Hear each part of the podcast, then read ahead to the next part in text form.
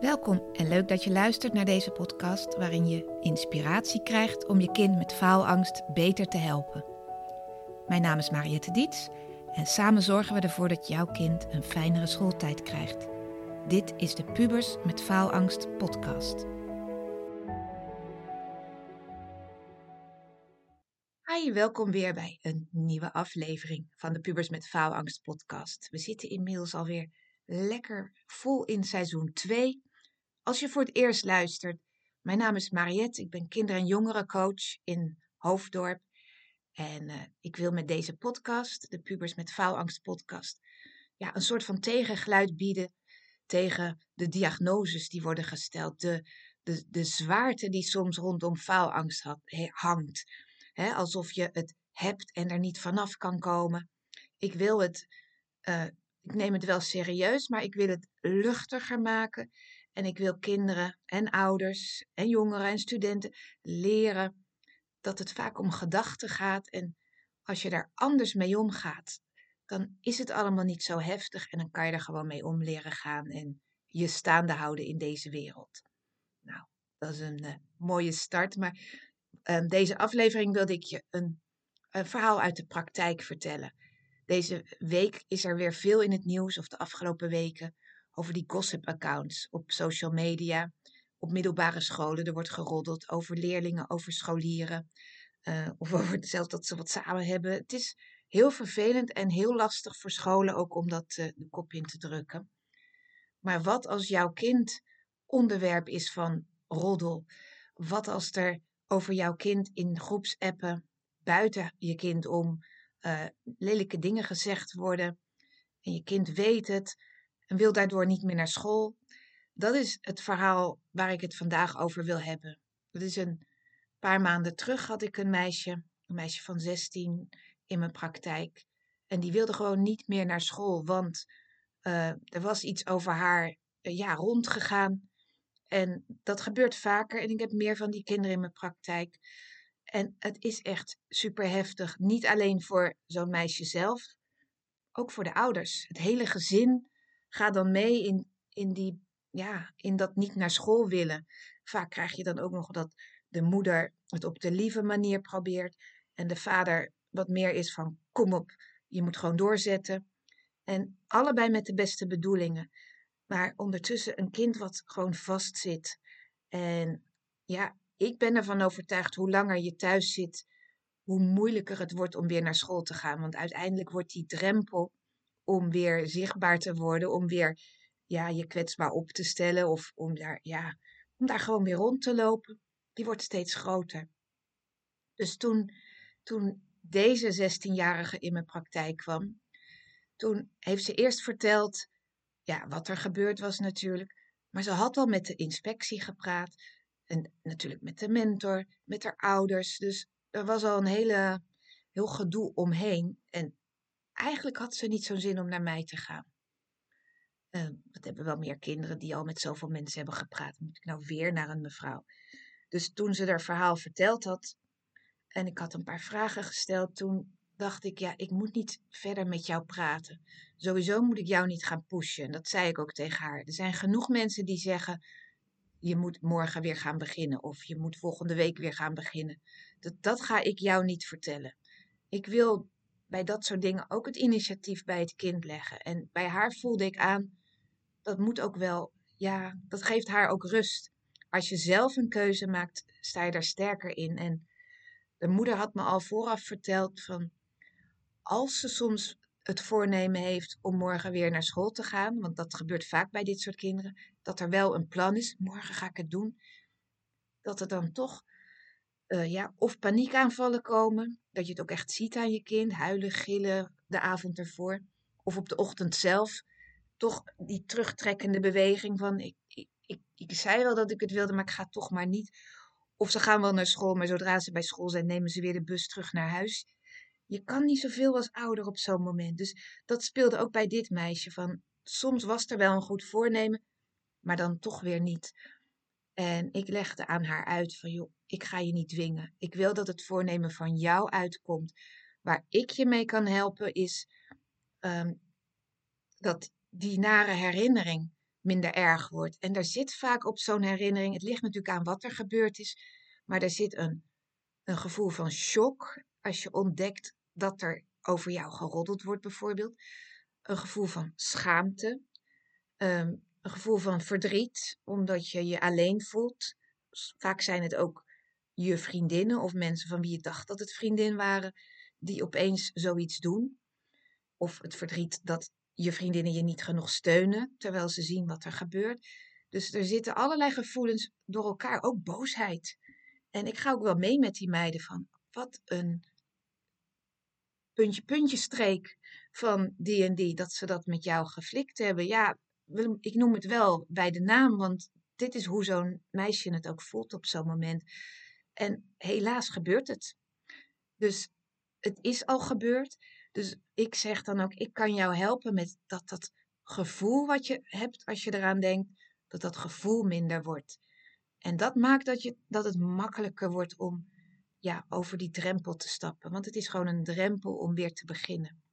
En natuurlijk gun ik kinderen ook dat ze een soort van, en dat noem ik ook letterlijk zo, een soort fuck it gevoel krijgen. Dat ze door de gang gaan durven lopen met rechte schouders. En dat het niet uitmaakt dat iemand iets vindt. Of dat iemand denkt, hé, hey, daar is dat meisje wat al een maand niet naar school is gegaan. Of hé, hey, daar is dat meisje waar toen dat filmpje over rondging. Dat gaat gebeuren. En door die schaamte moet je ook heen. En je weet als ouders misschien nog wel van toen je zelf die leeftijd had. Er is al superveel schaamte, ook als er niks aan de hand is. Maar als er zoiets gebeurd is, is de schaamte gewoon zo groot. Dus met dat stukje, met die emoties ga ik werken. Maar niet door er alsmaar over te praten, want ook dit meisje was volgens mij al bij twee psychologen eerder geweest om erover te praten. En natuurlijk ook nog met de mentor en de inspectie en de ouders. Dus dat had ze zelf ook wel door van dat praten. En ik geloof ook niet dat praattherapie altijd helpend is. Soms wel, want het lucht op. Maar als je alsmaar over iets naars praat en er weer verdrietig van wordt, ja, elke keer als je over een herinnering praat, stop je hem weer terug in je hoofd met, met de emotie van dat moment. Dus als je dan weer aan het huilen bent, als je erover praat, wordt het weer met dat verdriet opgeslagen. En dat blijft een soort ja, rode zone in je hoofd. Uh, het wordt eigenlijk alleen maar erger daardoor, want je versterkt dat nare gevoel. Dus wat ik doe, is ik wil dat iemand erover praat in een rustige stemming. Of dat iemand die herinnering voor zich ziet, terwijl hij of zij zich oké voelt en rustig voelt. Zodat die herinnering ook wordt teruggeplaatst in je systeem met een andere emotie, met een betere emotie. Nou, dat is, meestal doe ik daar EFT bij, dat tapping. Uh, dat lijkt een beetje op EMDR. En dat maakt je systeem rustig terwijl je over die herinnering praat, waardoor die dus met een betere emotie weer wordt opgeslagen. Alleen bij EFT wordt er nog steeds wel gepraat.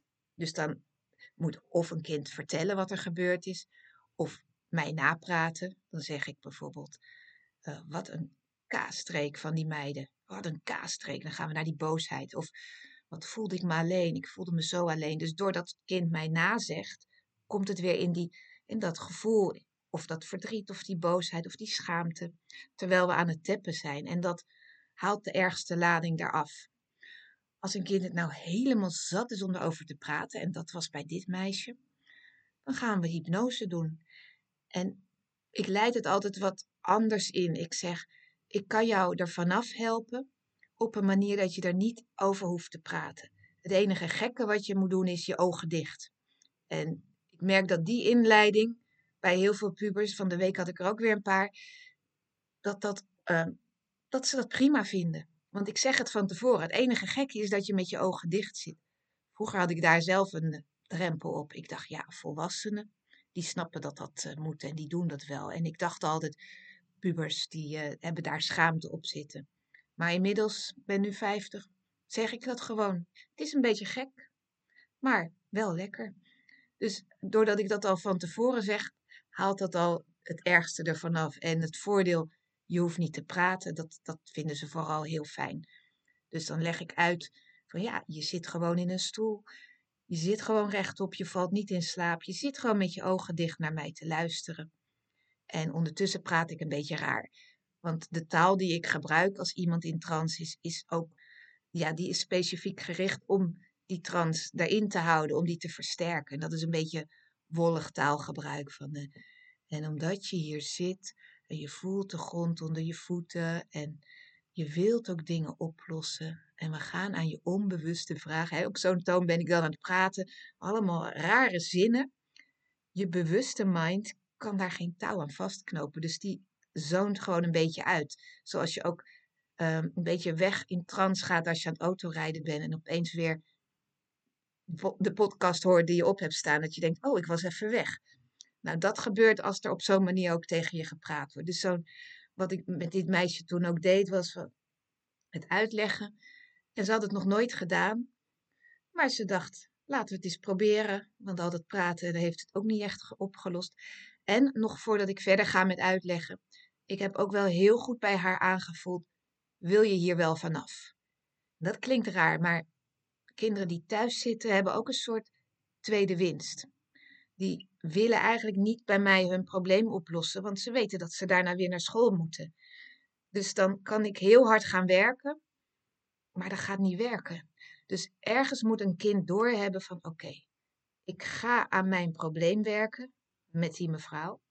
Want ik wil dit oplossen, want ik wil me beter voelen, want ik wil weer naar school. En voor sommige kinderen is dat nog te onveilig. Dus dan moet ik het op een andere manier doen. Maar bij dit meisje had ik wel het idee, zij wil wel met mij mee, want zij wil echt wel weer terug naar school. Ze durft alleen niet. En ze is bang voor die schaamte. Maar dat thuiszitten vond ze eigenlijk ook wel saai. Dus ehm, ik heb haar dus de, in die trance gebracht. En dat is, soms doe ik dat met allerlei dingen van uh, kijk naar een punt in je hand. En als je hand zo langzaam naar je gezicht gaat, hè, dan hou je hand boven je hoofd. En als die bij je gezicht komt, sluit je je ogen. En laat je lekker wegzakken. Soms zeg ik gewoon, doe maar je ogen dicht. En laat je lekker ontspannen. En ik, neem ik echt de tijd voor dat kinderen zich helemaal ontspannen.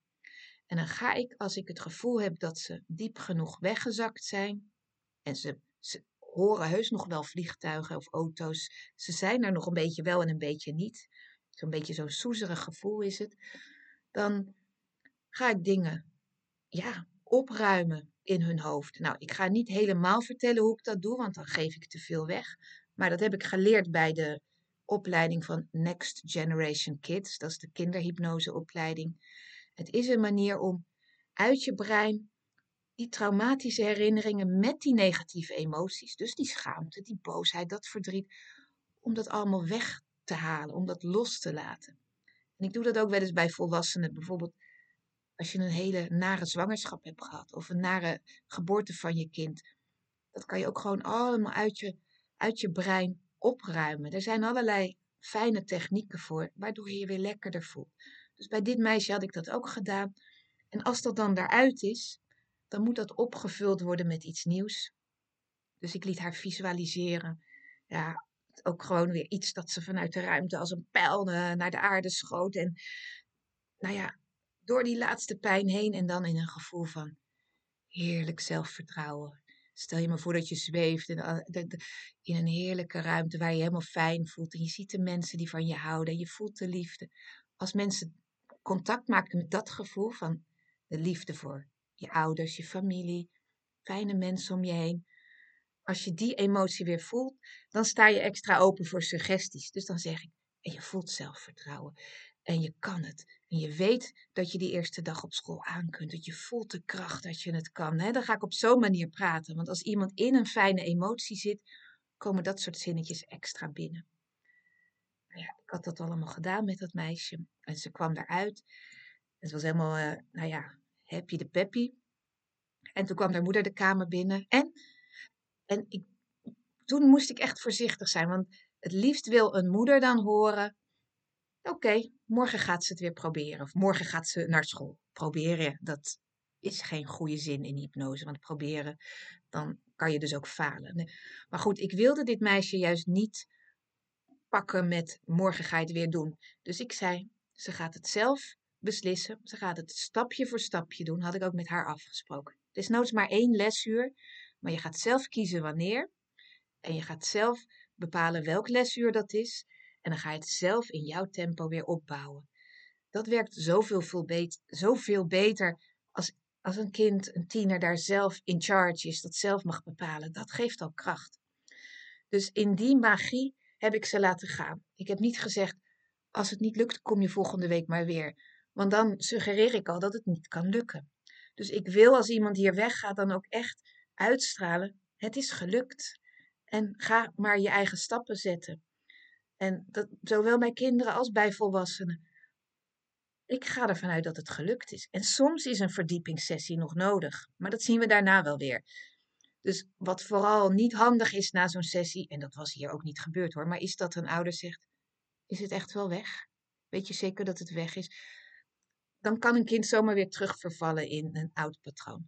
Dus ik hou ze lekker in, de, ja, in het vertrouwen dat, dat er iets opgelost is. En dat geloof ik ook echt, dat er iets opgelost is.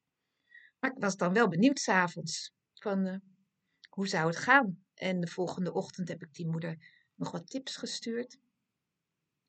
En uh, toen appte ze me. Het ging goed gisteravond. Ze had geen paniekaanval. Ze heeft lekker geslapen. En ze gaat vanavond naar, vanmiddag naar, weet ik veel, uh, het achtste lesuur of zo. Ze had een uur, een veilig lesuur bedacht. En ik zat zelf een beetje zo in spanning. Nou, ik ben benieuwd hoe het gaat. Een beetje, toch een klein beetje nou, nieuwsgierige spanning. En s'avonds appte ze een filmpje, moeder en dochter samen, van dat ze naar school was geweest, dat het prima was gegaan. En nou ja, gewoon de opluchting straalde er vanaf. En dat ik, toen heb ik ook weer nieuwe suggesties erin gestrooid. Hè? Want zo werkt dat. Van, nu je dit hebt gedaan, weet je dat je alles aan kunt. Nu je het ergste hebt overwonnen, zijn de volgende bergjes allemaal minder erg. En kun je alles aan. En weet je, zo bouw je vertrouwen op bij iemand door na zo'n succeservaring dit nog eens extra te versterken. Dus dit was een mooi voorbeeld van hoe je met één sessie al zoveel kan bereiken bij een kind. Gewoon door het even anders aan te pakken. Door niet weer over oude, oude, koeien, oude koeien te praten, maar een ontspanningsoefening. En even iets heel anders dan anders. Dat verrassingseffect is voor kinderen ook al fijn. Van, oh, ik had hier iets heel anders bij voorgesteld, maar dit is eigenlijk best wel lekker. Dat ze, dat ze ook voelen van, als ik in mijn lijf blijf, in contact, ja, dat klinkt weer zweverig, maar als ik gewoon mezelf rustig maak, dan is alles ook rustiger. Weet je wat het is met gedachten? We hebben zoveel gedachten waarvan we in de stress schieten. Maar gedachten gaan altijd over of iets wat geweest is, of iets wat nog moet gebeuren, maar het is niet de realiteit. Het zijn maar gedachten. Je bent dat niet. De realiteit is het hier en nu. En hoe meer je tegen jezelf zegt, het zijn maar gedachten, hoe minder effect die gedachten op je hebben. Je kan van alles denken. Maar als je in een bioscoop naar een film kijkt, die heel heftig is, ehm, dan heb je ook niet de neiging om 112 te bellen als er geschoten wordt. Want je weet, het is een film, het is niet de realiteit. En zo moet je beseffen dat je gedachten ook niet je realiteit zijn. Het zijn gedachten. En het is gek maar als een kind of een volwassene beseft, het zijn maar gedachten en het zijn geen fijne gedachten, maar het zijn maar gedachten. Dat alleen al, dat realiseren maakt al dat je hetzelfde gevoel krijgt als bij een film. Oh ja, het zijn maar gedachten. En daar word je al rustiger van. Dus op dat soort lagen werk ik met kinderen om ze dat te laten realiseren. Dat je invloed hebt op je gedachten, dat het maar gedachten zijn, dat je je lijf rustig kan krijgen, dat je gewoon door kunt ademen en dat je spannende dingen gewoon aan kan. En hoe meer spannende dingen je aan kunt, hoe meer je zelfvertrouwen groeit en hoe meer je daarna weer aandurft. Dus dat was het voor deze aflevering. Heb je nog vragen of opmerkingen? Stuur me dan een berichtje en dan eh, help ik je.